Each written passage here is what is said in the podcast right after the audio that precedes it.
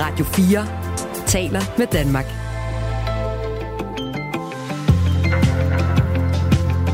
Velkommen til Radio 4 morgen. Det år, der er gået siden øh, Ruslands invasion i Ukraine, har været fuld af pakker østpå. Altså både humanitær hjælp, men særligt af våbenhjælp. Også fra Danmarks side. Er det den rigtige vej at gå? Det spørgsmål har vi stillet i dag, og vi stiller det blandt andet til enhedslistens forsvarsordfører Trine Mark om 12 minutter. Du kan være med til den diskussion ved at skrive til nummer 1424. Og lige om et øjeblik, så skal vi øh, tale om noget af det, vi har talt rigtig meget om i tre år, nemlig hvor kommer coronavirusen fra? Øh, kinesisk flagermus, eller er det noget fra et laboratorium? Øh, her til morgen, der skriver en amerikansk avis, at det er undsluppet, altså selve virusen er undsluppet fra et amerikansk laboratorium. Det prøver vi lige om et øjeblik at sætte ind i sådan en politisk kontekst, når vi taler med Mads Dalgaard Madsen, som er tidligere indrigspolitisk rådgiver i USA ved den danske ambassade. Det er lige om to sekunder. På en skole i Helsingør er der en russisk født lærer. Hun har godt nok været i Danmark i 30 år, men hun er etnisk russer, hvis ellers det hedder det. Der underviser en modtageklasse, som blandt andet rummer ukrainske børn, og det giver blandt andet. Øhm, den her historie skal vi se nærmere på om en halv time her i Radio 4 morgen. Der skal Benedikte Kær, borgmester i Helsingør Kommune, øh, forklare, hvorfor man holder fast i, at den her russisk fødte kvinde er den rigtige til at undervise de ukrainske børn. Her i studiet sidder Kasper Harbo og Michael Robach. Klokken den er 6 minutter over 8. Radio 4 taler med Danmark. I løbet af de sidste tre år har den primære forståelse af corona været, at virusen stammer fra en kinesisk flagermus. Den fortælling er der nogle mennesker, som har sået tvivl om, og det samme gør nu det amerikanske energiministerium. En lækket rapport fra ministeriet har øh, avisen The Wall øh, Street Journal set, og i den rapport står der, at coronavirusen kan være sluppet ud af et kinesisk laboratorium og ikke sprunget fra en flagermus til mennesker. Og spørgsmålet er så nu, hvad ligger der i rapporten, og hvorfor ser den dagens lys netop nu? Og til at besvare nogle af de spørgsmål har vi dig, Mads Dal- Dalgaard Madsen, med, som øh, du er tidligere indrigspolitisk rådgiver i USA ved den danske ambassade. Godmorgen. Godmorgen. Hvorfor øh, hører vi om den her rapport lige nu? Ja, altså øh, først og fremmest så skal man virkelig, virkelig holde tungen lige i munden, når man prøver at gøre sig klog på den øh, amerikanske federale regering. Og i særdelighed i efterretningsarbejdet, som Energi- Energiministeriet er en del af. Så jeg vil øh, våge at påstå, at, at vi skal ikke lægge så utrolig meget i, at det bliver offentliggjort netop nu.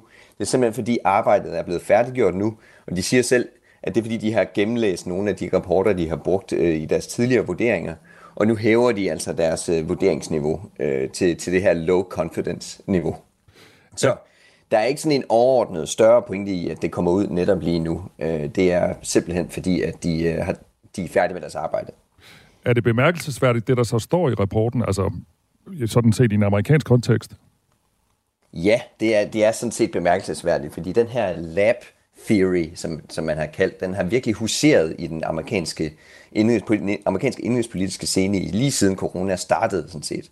Og det er jo simpelthen fordi, der var det her Wuhan Lab i Wuhan, så tilfældigheden var nærmest for, den var nærmest for åbenlys, men, men det, det har været en teori, der har huseret meget ude på et fløjende hos konspirationsteoretikere ude sådan i, i de mere, øh, hvad kan man sige, vilde dele af det republikanske parti især. Og så lige så langsomt har den her historie sådan rejst ind til midten, hvor det nu rent faktisk er ministerier, der begynder at tage det alvorligt, og der nu begynder faktisk at være bevismateriale for, at det, det rent faktisk øh, kunne være sket. Så, så det har været interessant at følge den her historie, og hvordan, hvordan den lige pludselig er blevet mainstream simpelthen. Nu siger du beviser. Hvad er den rygende pistol, hvis der er en sådan? Det, det er det, som øh, man skal lægge mærke til her.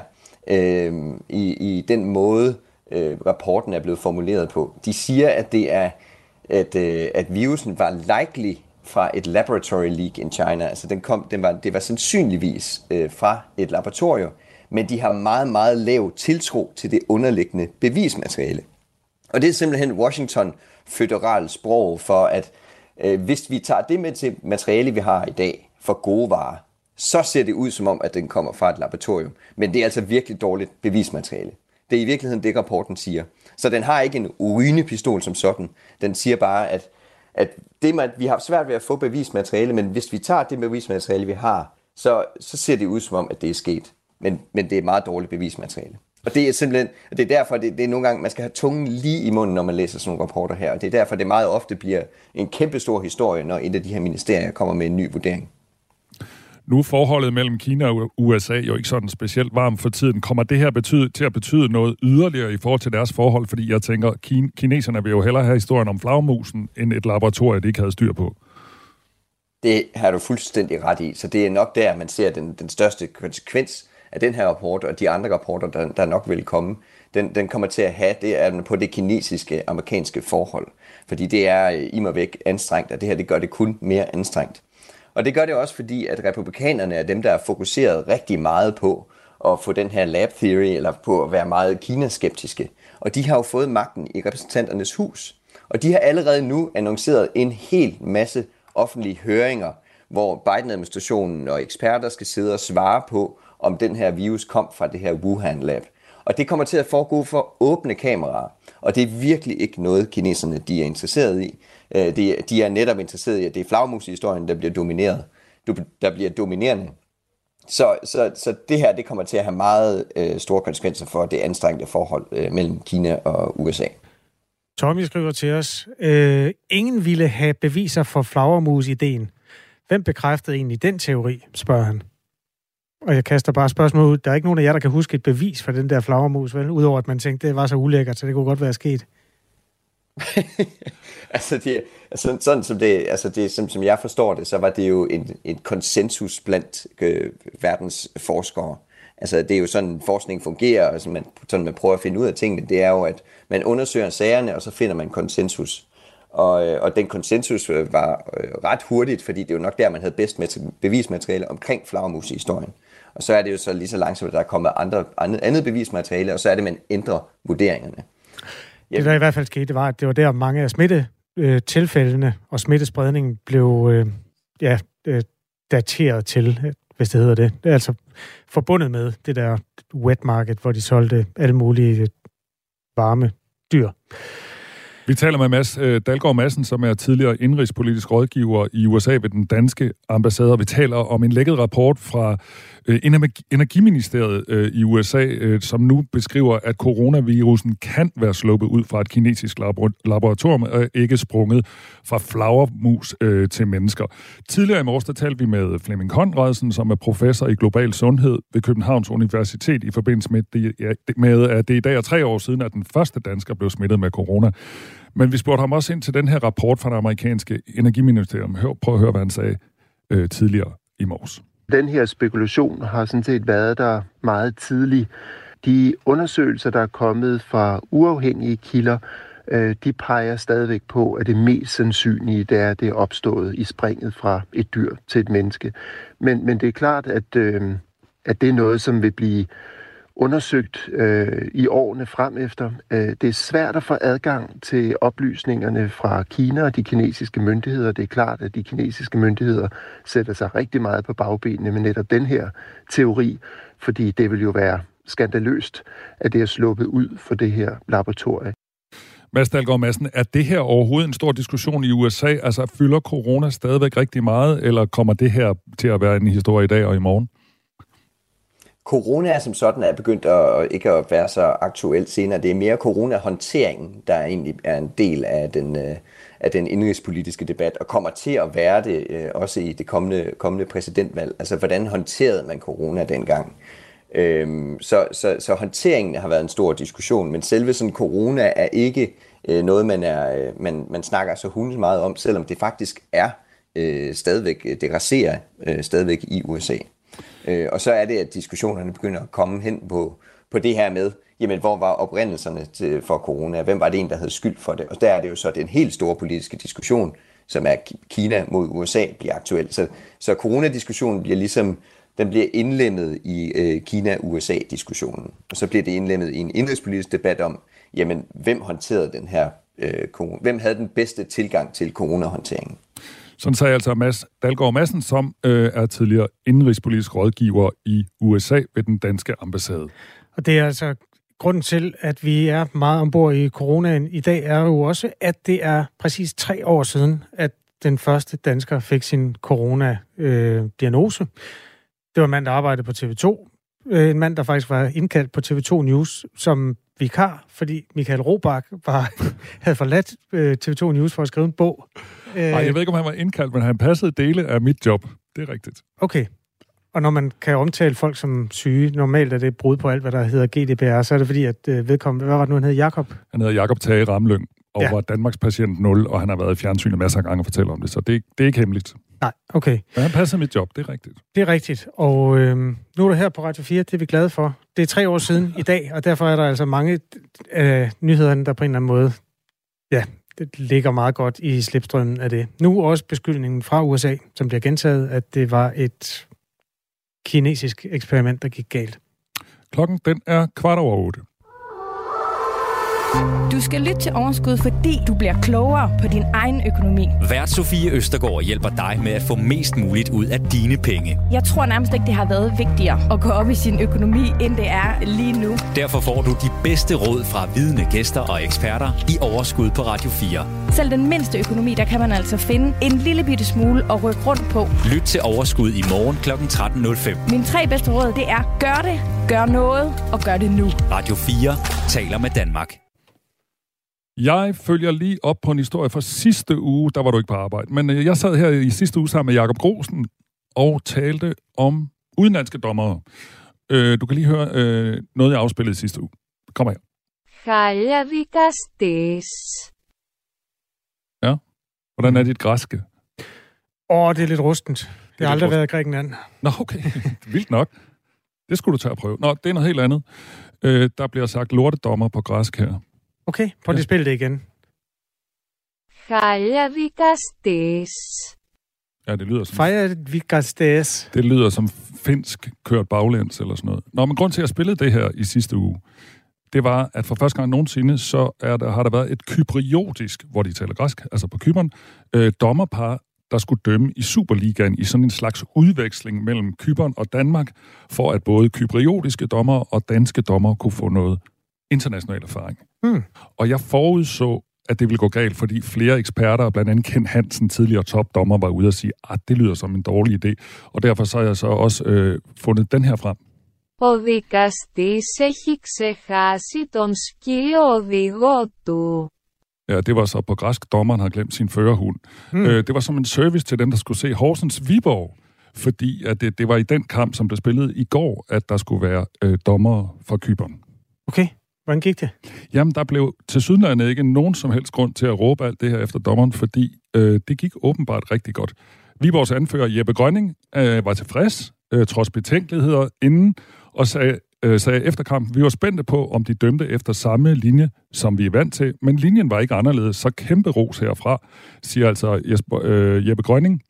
Og han siger også, øh, at dommerne nærmest var usynlige, og det er jo den største ros, man kan give til dommere, siger han. Jeg synes, de holdt kampen i en god snor, og de delte heller ikke alt for mange kort ud. Jeg har ikke noget udsat på deres kamp, siger han altså. Og Magnus Jensens øh, fra Horsens siger det samme. Altså, han synes også, at det var nogle rigtig gode dommer. Så der var ingen grund til at hverken at råbe, at øh, dommeren havde glemt sin førerhund, eller råbe lortedommer. Nej, det er saftsus også svært at snakke det sprog der. Du må godt lige afslutningsvis spille klippet en gang til. Hvad, hvis nu nogen, hvad, hvad, hvad kan du bedst lide? Lortdommer eller dommer? Den, den, første var nemmest at lære, vil jeg okay, sige. Okay, så luk øjnene og hør godt efter. Det kan være, du kan lære det. Det er græsk. Jeg skal måske lige sige, at de taler også, også tyrkisk på Kyberen, men, men ham dommeren havde lidt græsklingende navn, så jeg går ud fra, at det er græsk. Hmm. Han talte. Øh, det kommer her. Klokken er 19 minutter over 8. Radio 4 taler med Danmark. Der er gået et år siden Rusland invaderede Ukraine, men har vi overhovedet grebet det første år an på den rigtige måde? Det er en diskussion, vi tager i dag på Radio 4. Danmark har i alt bidraget med 6,3 milliarder kroner til blandt andet militær, humanitær og akut støtte. Vi har talt med flere, der er kritiske over for Danmarks indsats i Ukraine. Lad os øh, starte med et lille citat fra Fatma Amur fra Vandløse. Jeg synes i hvert fald, at øh, det vi kunne gøre, vi gjort først begynde at, at, at handle diplomatisk, øh, i stedet for bare øh, gå ind til våben. Det kan godt være, måske det bliver gjort, men jeg synes, det er for lidt.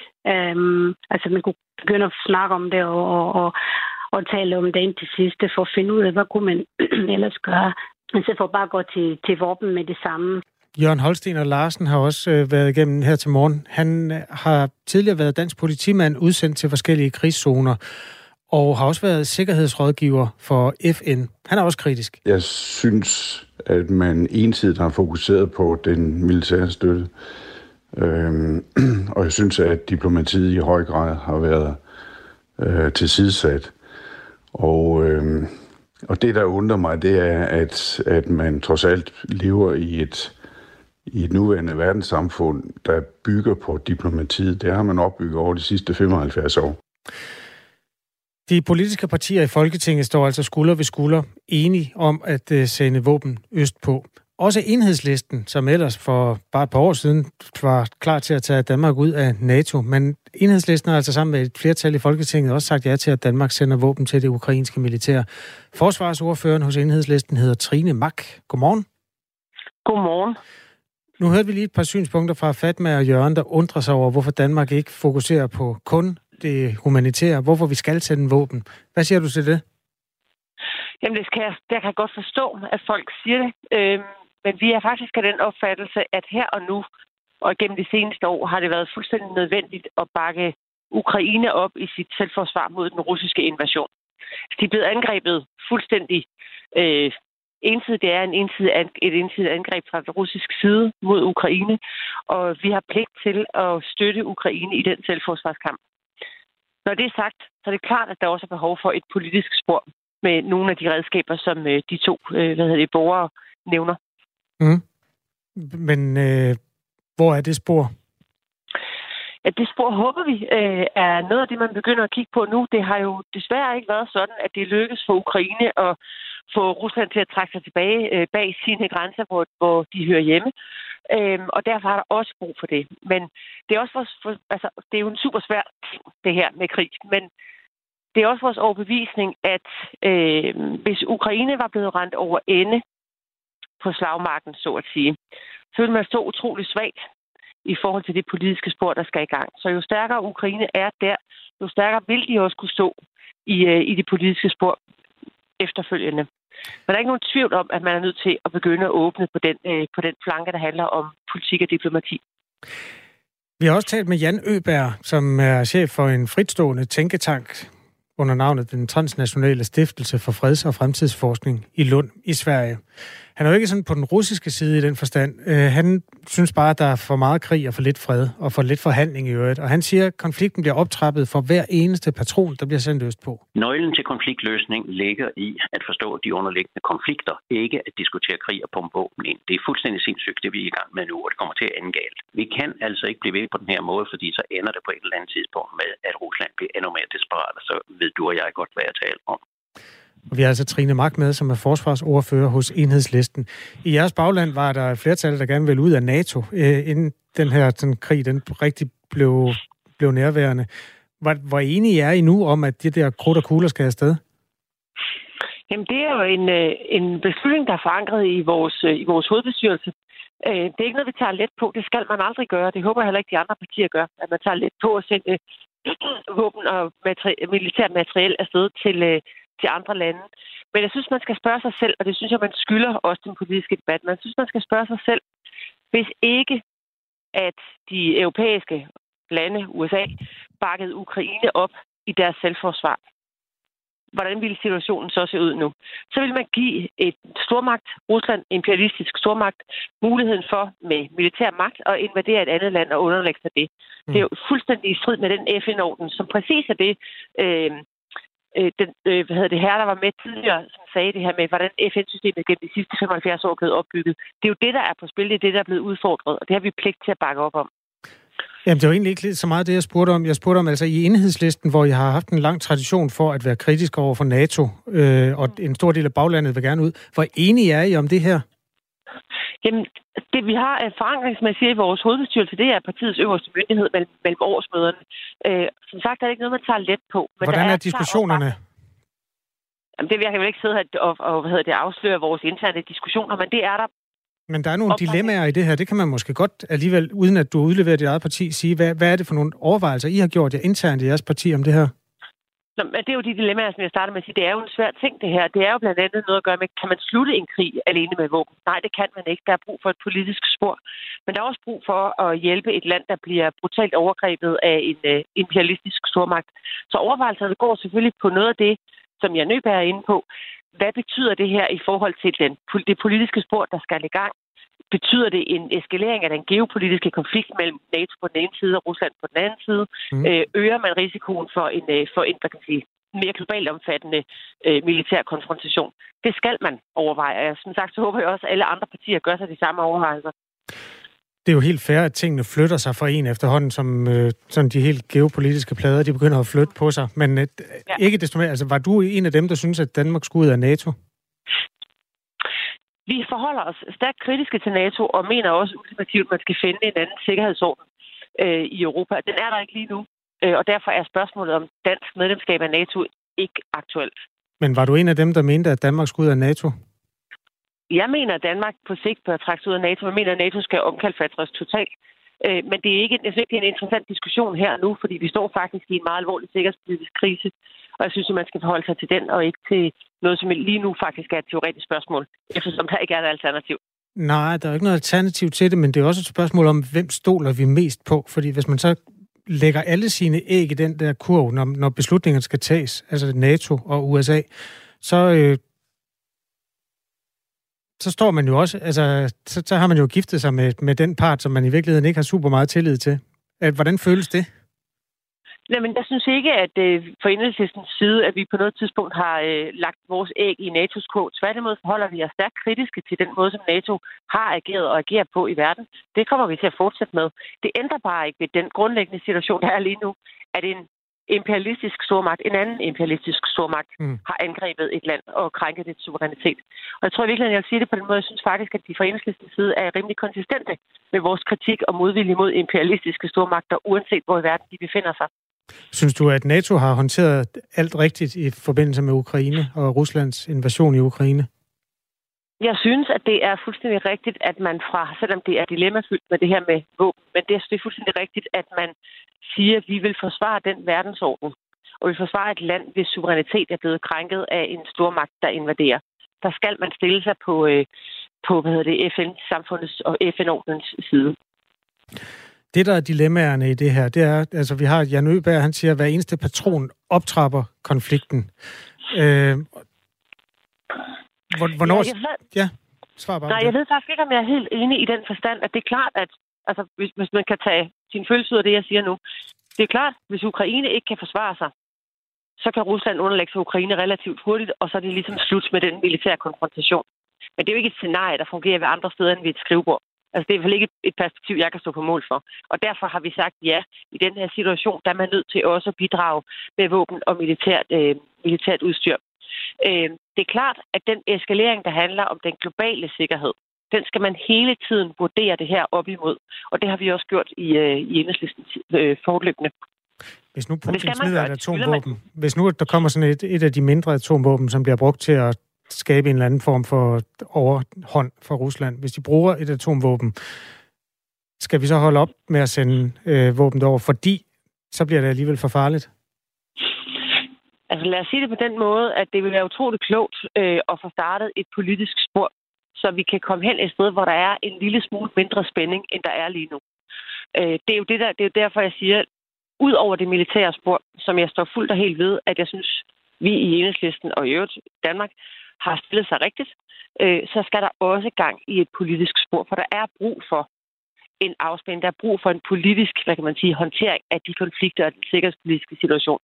Man kan ikke løse øh, krig og fred alene på en slagmark. Det gør man altså i, øh, i det politiske spor. Øh, der er kun et minut til nyhederne, Trine Mark. Vi er glade for, at du vil mm. diskutere nogle af de her dilemmaer med os, altså forsvarsordfører hos Enhedslisten. Hvornår tror du, krigen er slut? Det er vist øh, 100 millioner kroner spørgsmålet. Øh, forhåbentlig snart. Men jeg er bange for, at det har lange udsigter, hvis ikke vi spiller også det politiske spor på banen snart. Tak, fordi du vil øh, være med. Jamen selv tak, fordi jeg måtte. Trine Mark er forsvarsordfører hos Enhedslisten. Og vi bliver lidt ved emnet, fordi den her krig, den trækker jo spor alle mulige steder, også til Helsingør, fordi på en skole i Helsingør, der underviser en dansk-russisk lærer ukrainske børn, og det har givet en masse ballade. Og her øh, efter nyhederne, der taler vi med Helsingørs øh, borgmester Benedikte Kær om den her ret svære situation, øh, som skolen står i, altså at nogle ukrainske børn ikke vil undervises af en dansk-russisk lærer. Klokken er halv otte. Nej, halv ni. Nu er der nyheder på Radio 4. Knap halvdelen af unge, der har arbejdet på skoler og i ældrepleje, er blevet afskrækket fra faget. Det viser en ny undersøgelse fra Danmarks Evalueringsinstitut. Sidste år blev omkring 60.000 personer optaget på en videregående uddannelse i Danmark, og af dem havde hele 42 procent haft et job i ældreplejen som lærervikar eller som pædagogmedhjælper, inden de begyndte at studere. 45 procent af dem, der arbejdede som pædagogmedhjælper, svarer i undersøgelsen, at jobbet afskrækkede dem fra videreuddannelse til pædagog. Det samme gælder for 47 procent af dem, der har haft et job som lærervikar, og hele 49 procent af dem, der arbejdede i ældreplejen. Og det er overraskende tal, siger Bella Markmann, der er chefkonsulent hos EVA, som lavede undersøgelsen, og som er projektleder på undersøgelsen. Det er jo ikke godt, når vi kommer til at mangle lærere, sosuer og pædagoger i fremtiden, siger hun. Det er bekymrende, at antallet af unge brugere af røgfrie nikotinprodukter stiger, det mener enhedschef, enhedschef i Sundhedsstyrelsen Nils Sandø. En ny undersøgelse fra Sundhedsstyrelsen viser, at 12,9 procent af unge mellem 15 til 29 år dagligt eller lejlighedsvist bruger røgfrie nikotinprodukter. For et år siden var der tale om 11,4 procent. Røgfrie nikotinprodukter omfatter blandt andet snus, tykketobak og nikotinposer. Og Niels Sandø er altså bekymret over udviklingen. Dels så skal man jo ikke som, som barn og ung være afhængig af nikotin, og det bliver man altså meget hurtigt af de her stoffer. Og dels så har det også nogle konsekvenser i forhold til, til udvikling af hjernen og øh, i forhold til, til forskellige andre sygdomme, øh, som man kan få som følge af at bruge nikotin. Det er i dag tre år siden, at den første dansker blev smittet med corona, og der går ikke længe før corona stopper med at blive kategoriseret som en pandemi. Det mener Flemming Konradsen, der er professor i global sundhed ved Københavns Universitet. De data, der, der kommer ind fra forskellige dele af verden, tyder på, at der er øh, kontrol over situationen i den forstand, at rigtig mange, men mere, men mener, 92 procent eller mere af verdens befolkning har en eller flere gange været inficeret med den her virus, og rigtig mange er blevet vaccineret, særligt i de rige lande, og det lægger en dæmper på muligheden for smittespredning. Det er WHO's generaldirektør, der afgør, hvornår pandemien bør afblæses.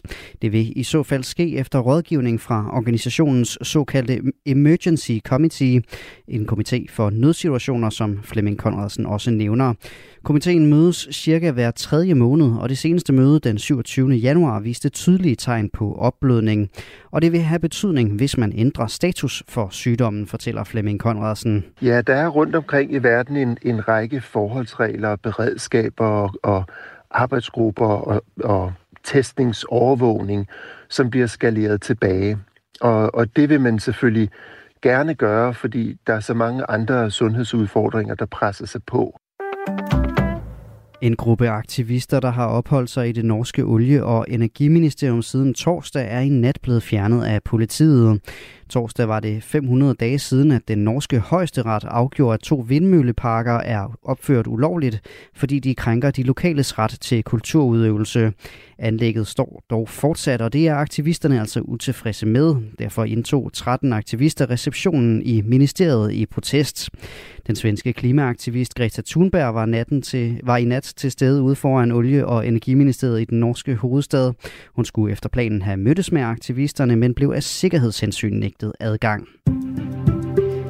Dagen i dag byder på tørt vejr med lidt eller nogen sol, men mod sydøst også perioder med mere skyet vejr og temperaturer mellem 4 og 8 graders varme. Du lytter til Radio 4 morgen. Husk, du kan skrive en sms til os på 1424. Ja, godmorgen. 4 minutter over halv ni. Ruslands hus i København, altså det er en organisation, Ruslands hus får stadig udbetalt 27.000 om måneden fra indefrostende konti. Det var ellers den prop, der skulle have været sat i for at øh, genere Rusland mest muligt. Men de penge flyder altså stadigvæk, og øh, det betyder, at de pro-russiske aktiviteter og markedsføringen af den russiske optik på krigen i Ukraine kan fortsætte. Det er et kontor, der er på EU's sanktionsliste for at drive det her netværk af påvirkningsagenter og for at sprede russisk propaganda. Og det foregår altså på dansk jord stadigvæk. Øh, der er holdt adskillige udstillinger og foredrag så sent som øh, her i februar måned. Vi skal forsøge at finde ud af, hvad der bliver af de penge, og om man kan forhindre det, eller om man skal forhindre det. Michael Åstrup Jensen er Venstres udenrigsordfører med om cirka 10 minutter. Og så sker der jo altså alt muligt i dansk politik for tiden. Der bliver tegnet nye streger, og der bliver lavet nye venskaber. Og øh, Enhedslisten og Dansk Folkeparti, de har udsendt en fælles pressemeddelelse. Jeg tror ikke, det sker ret tit. Og i den, øh, der øh, giver de to øh, partier udtryk for, eller giver et løfte, at hvis spørgsmålet om afskaffelse af Stor Bededag kommer til folkeafstemning, så vil Enhedslisten og Dansk Folkeparti ikke kræve flere folkeafstemninger om andet i regeringsgrundlaget. Så det er en pressemeddelelse om, bare giv os den her lille folkeafstemning så kræver vi ikke mere. Øh, vi taler med øh, Morten Messerschmidt øh, cirka 10 minutter i 9. Du kan nå os på 1424. Godmorgen, og tak fordi du hører det her radioprogram. Det her er Radio 4 morgen. Vi begynder i Helsingør for på en skole i byen, der underviser en dansk-russisk lærer ukrainske børn. Øh, men nogle af børnene i modtagerklassen, som er en 6. klasse, siger, at øh, de gennem længere, tid har prøvet, gennem længere tid har prøvet at sige fra over for en lærer, der gentager russiske narrativer om krigen og underviser i russisk kultur. Det skriver Berlingske der, der er tale om en lærer, som har undervist øh, de her børn i musik i en time om ugen, men nu er situationen eskaleret og har fået skolen til at reagere. Kari, Kari Jørgensen, der er distriktsskoleleder blandt andet for Nordvestskolen i Helsingør, hvor hændelserne har fundet sted, og hvor den russiske lærer stadig arbejder. Hun sagde sådan her til os tidligere på morgenen. I modtagerklasserne er de som regel altid to øh, lærere til stede. Og vi har absolut ingen grund. Vi har selvfølgelig også talt med mange kolleger. Vi har absolut, vi har selv også været i klassen. Vi har absolut ingen grund til at tro, at det ikke foregår ordentligt, øh, den undervisning, der foregår. Nu kan vi sige godmorgen til Benedikte Kær, der er borgmester i Helsingør Kommune. Godmorgen. Det er en svær sag, den her, fordi der er nogle ukrainske børn og deres mødre, der synes, at det er utrygt og ikke særlig rart øh, at blive undervist af en dansk-russisk lærer. De påstår så også, at hun underviser dem i russisk kultur. Og på den anden side, så hører vi skolen her, der siger, jamen der er ikke en finger at sætte på den her lærers arbejde. Hvor stiller du dig i forhold til den her sag, Benedikte Kær? Det er jo en meget ulykkelig sag, som, øh, som vi helt klart skal have løst, og vi kan kun løse den ved at indgå en en meget tættere øh, dialog med øh, de to elevers øh, møder. For den her sag skal jo selvfølgelig løses. Der er tale om øh, en, øh, en, en lærer, som har boet i Danmark i 30 år. Hun er dansk statsborger. Hun har haft den her pågældende klasse med de to elever, hvor de to elever går. Øh, siden øh, den 3. februar havde hun den første gang, og allerede der, hvor hun var inde i klassen sammen med øh, den lærer, som hun overtog musiktimen fra, fordi den lærer hun gik på pension, jamen så øh, var der så øh, modstand fra de to pågældende elever. Og det er så eskaleret siden. Altså som sagt, øh, så står man ikke alene i en modtageklasse. Der er en særlig øh, ekstra normering på grund af, at man skal hjælpe de børn, der kommer øh, til at lære dansk endnu hurtigere, hvor at der så er virkelig sat øh, fokus på at, øh, at kunne hjælpe så mange børn som overhovedet muligt øh, effektivt og hurtigt. Og derfor så, så har hun jo ikke stået alene, og hun har ikke undervist i russisk, og hun har ikke undervist i russisk kultur. Hun har undervist den klasse, og dermed de to pågældende elever en time om ugen i musik. En af møderne til, til en af eleverne, det er en dame, der hedder Diana Sønberg. Hun har øh, skrevet sådan her til skolelederen på den pågældende skole. Jeg respekterer alt, hvad Danmark gør for os flygtninge fra Ukraine. Men siden en russisk talende lærer dukkede op øh, på din skole, er vores ukrainske børn af en eller anden grund begyndt at få en masse problemer. Det er meget nemt at anklage børn for racisme, når de ikke kan forsvare sig ordentligt, fordi de ikke kan dansk nok. Men efter min mening er det simpelthen respektløst over for alle ukrainere at invitere en lærer fra Rusland til at arbejde med ukrainske børn, der flygtede fra krigen mod Rusland. Børn har, børnene har allerede fået enorm stress på grund af Rusland, og nu tilføjer, tilføjer du mere stress til dem, skriver øh, moren altså her til skolelederen. Har du ikke en forståelse for det, Benedikte Kær? Jamen, vi skal helt klart i gang med en bedre dialog, for der er jo rigtig mange misforståelser her. Altså, at vi har jo ikke inviteret en, en lærer fra, fra Rusland. Altså, det er en, øh, det, det er en dansker, hun er dansk statsborger, hun har boet her 30 år, øh, og, og øh, øhm, har sådan set taget en læreruddannelse her og underviser øh, også andre elever på skolen i 7. klasserne i musik og underviser i dansk i nogle af de andre modtageklasser. Og vi har sådan set ikke hørt fra nogle af de andre, at der har været udfordringer med denne her øh, læger. Så vi må jo simpelthen finde ud af, hvordan vi får løst det her, for, for vi har i et land, øh, Danmark, hvor øh, vi, vi har omkring 5.500-6.000 øh, russere, som bor her, som arbejder her, som lever deres liv her. Nogle af dem er så også dansk statsborger, og, og vi kan altså ikke fyre dem øh, fra øh, de arbejdspladser, hvor de er, eller, eller sende dem ud af landet, fordi øh, der er nogen, der gerne vil have det. Det kan vi ikke, men vi bliver nødt til at prøve at være i det her. Det er enormt svært, og vi har øh, særligt haft det sidste uge om, om fredagen med en, nogle hændelser, som nok også skyldes, at det er jo en særligt tung dag i fredags. Det var årsdagen for øh, russernes invasion i Ukraine, og, og der var rigtig mange følelser i spil. Og jeg kan også bare læse den redegørelse, vi har fået, at øh, det, det var nogle hæftige ting, der blev øh, sagt og gjort, øh, og, øh, og, og der kunne vi nok have håndteret den bedre som, som skole med, nogle flere kompetencer i forhold til, at ingen skal gå på weekend med, med, med, med sådan en stemning, og vi skal ikke have alle de mails der, og skriverier, der foregår frem og tilbage, hvor at øh, konfliktniveauet egentlig bare eskalerer i stedet for at blive nedtrappet. Nogle hæftige scener, siger du. Prøv lige at hjælpe os. Hvad, hvad, hvad var det, der skete? Nå, i forhold til denne her øh, redegørelse, så fremgår det jo, at, at et par elever trængte ind i en anden modtageklasse for at chikanere øh, den pågældende lærer, som stod og underviste med en anden lærer, en anden modtageklasse i dansk.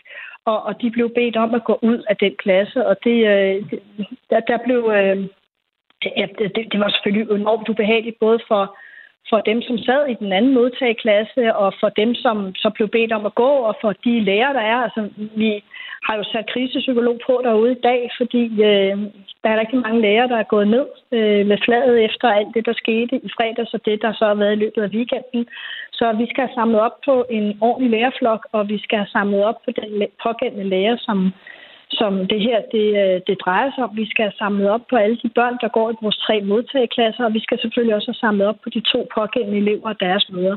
Så vi står med et stort arbejde foran os for at få tingene til at øh, lykkes. På Twitter, der har øh, Henrik Dahl fra Liberal Alliance skrevet om den her sag, og han er jo en mand, der går til vaflerne, så det må du lige leve med, øh, Benedikte Kær. Han skriver, jeg synes situationen i Helsingør svarer til, at en tysk lærer midt under 2. verdenskrig blev sat til at undervise jødiske børn og i sin undervisning benyttede sig af nazistiske narrativer om jøder. Almindelig pli og anstændighed tilsiger, at det ikke er ok. Øhm, hvis, vi nu, hvis jeg nu lige fortynder det lidt, det han siger, kan man så ikke sige, at uanset hvor dygtig den her dansk-russiske lærer er, og uanset selvom I ikke har set noget i hendes undervisning, som I umiddelbart synes er problematisk, er det så ikke i sig selv bare problematisk at have en russisk lærer, der skal undervise ukrainske børn? Jamen, altså, hun er jo dansk statsborger. Altså, hun er russisk oprindelse, ja. Hun, hun er født i Rusland og flyttet til Danmark og dansk statsborger. Vi kan jo ikke begynde at fyre mennesker på grund af deres øh, etniske oprindelse, hvis de ikke har gjort noget galt. Men I behøver, det kan vi ikke men i Danmark. I, men I behøver, altså for det første så er det en, I ansat her i efteråret, og for det andet så behøver I jo ikke at fyre hende, men måske sige, det kan være en dårlig kombination. Ja, men vi har jo også børn, som øh, vi har faktisk en i en af modtageklassen, som kun kan russisk. Så vi har jo mange forskellige etniciteter, der går i vores øh, modtagklasser. Og, og, og det er jo vigtigt, at vi lærer at kunne være sammen. Øh, for øh, ellers er det jo svært at lykkes, hvis man skal til at isolere de forskellige etniciteter og begynde at forholde sig til, hvem der må undervise dem, og hvem der ikke må undervise dem. Altså, vi har at gøre med en person her, som, som sådan set ikke har gjort noget forkert. Øh, og, og så må man finde ud af, hvordan man kan være øh, sammen uden at der opstår den her form for konflikter. Vi har også haft nogle andre udfordringer, hvor at, øh, at, at, øh, at man ikke vil have, at der er nogen, der overhovedet har en snært af noget russisk oprindelse, kommer af tolker eller et eller andet den stil. Så vi skal bare huske en ting, at selvom du øh, ja, bor i Danmark og er russisk oprindelse, så kan du faktisk godt synes, at det, der foregår i Ukraine, det er hammerne forkert, og Putin, det han gør, det er hammerne forkert og sådan set øh, være på ukrainernes side. Det kan man sådan set godt. Så, så vi må prøve at finde en løsning, hvis det her indgår i en bedre dialog. Altså, der er ikke blevet undervist i russisk, der er ikke blevet undervist i nogen russiske narrativer.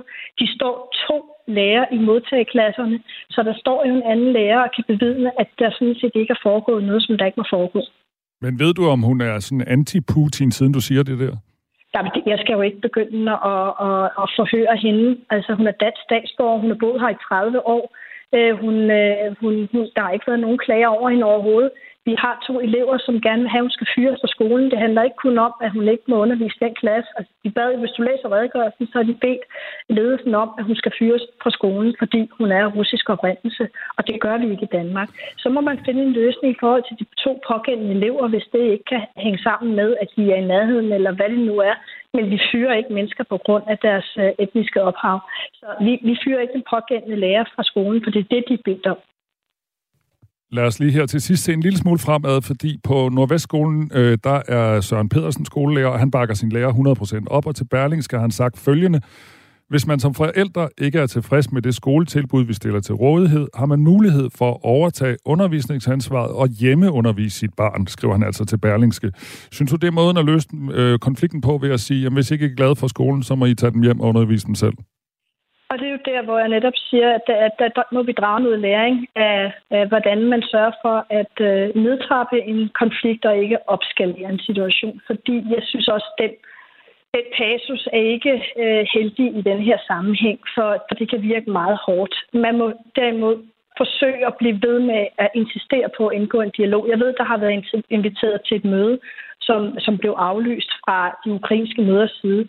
Men så må man insistere på et nyt møde, vi skal ikke have sådan nogle øh, skriverier, der flyver mellem hinanden. Og, og øh, øh det er jo svært for mennesker, som, som er i en situation, som de er i, de er i, og øh, har, øh, ja, har virkelig det lige op, når det er øh, et årsdagen, og, og følelserne er virkelig ude på tøjet, at man så får en mail om, at hvis man ikke kan lige lukke i bæret, så må man øh, smutte. Det, det går ikke. Øh, så, så den må vi tage op og tage læring af, og så må vi se at få, få gang i en øh, god dialog. Tak skal du have, Benedikte Kær, borgmester i Helsingør Kommune. Michael skriver, principielt minder det her om de amerikanske japanere, som blev interneret efter Pearl Harbor. Altså de mennesker af japansk oprindelse, som opholdt sig i USA, efter at, øh, at Japan trak USA ind i 2. verdenskrig ved at bombe øh, den der flodstation på Hawaii. Øh, Michael skriver, de blev udstødt, selvom de var amerikanske statsborgere, alene på grund af deres ophav. Bare fordi du er født i Rusland, er det ikke ens betydende med, at hun er kollaboratør Måske nogle total modstander af Putin. Nu må det stoppe. Det er da berufsverbot af værste skuffe, skriver Michael. Ja, og Paul er inde på noget af det samme. Han skriver, vi, er vi så nået dertil, at man skal til at, øh, til at ansætte på baggrund af politisk opfald, øh, opfattelse? Det er fandme ikke dansk, skriver Paul.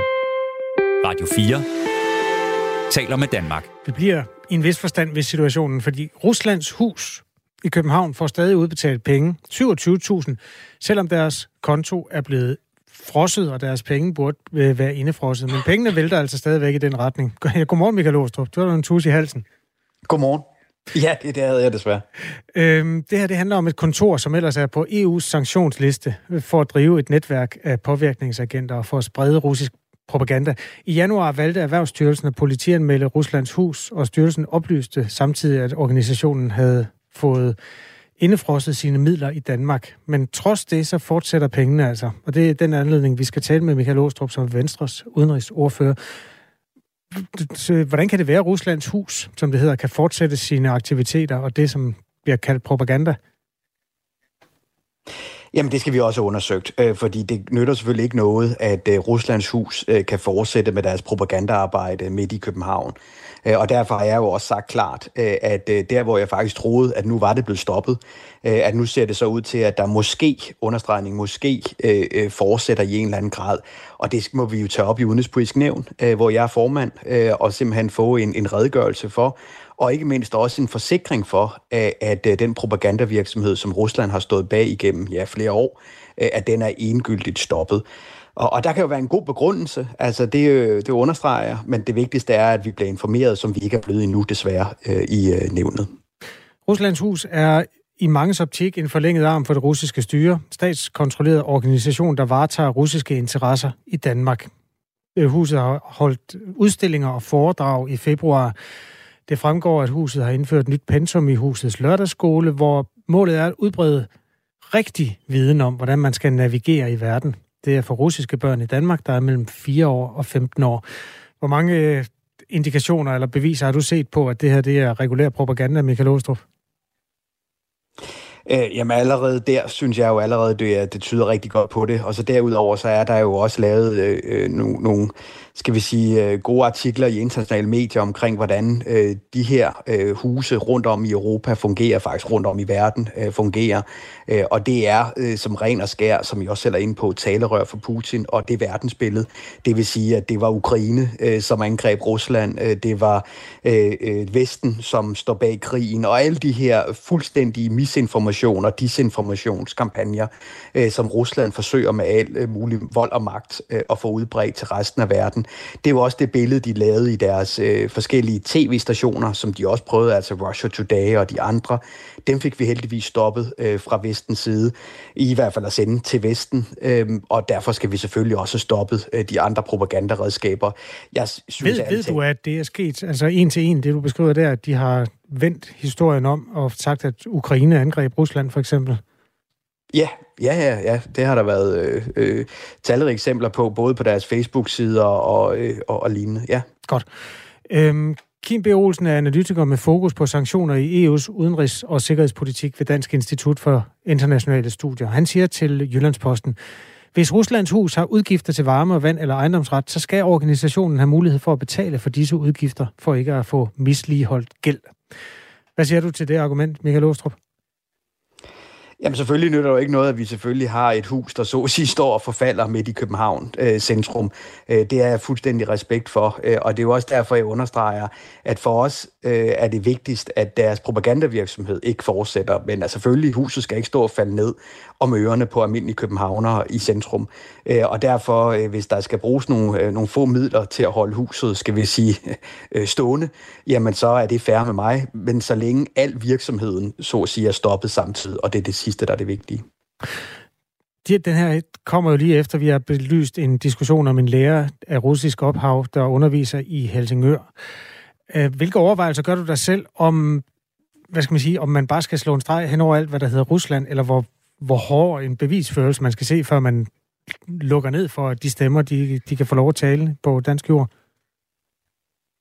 Jamen altså, jeg synes jo, statsministeren øh, har sagt det meget klart, øh, som jeg er meget enig i, nemlig at øh, hvor vi jo i starten af krigen øh, sagde meget, at det her det er Putin, øh, der startede det, så må vi også bare erkende, at det her det er større end Putin. Altså, jeg har rigtig mange bekendtskaber i Rusland, øh, som har arbejdet i oppositionen. En Vladimir Kursa, en Mikhail Kasjanov, og for den sags skyld også Boris Nemtsov, hvor jeg talte til hans begravelse øh, i Moskva. Øh, men problemet med alle de mennesker, det er jo, at de enten er døde i fængsel eller gået under jorden for ikke at være i fængsel. Og det er jo der problemet ligger. Det er jo, at Putins regime har nu sat sig fuldstændig øh, solidt på hele Rusland, bakket op desværre af et flertal i Rusland.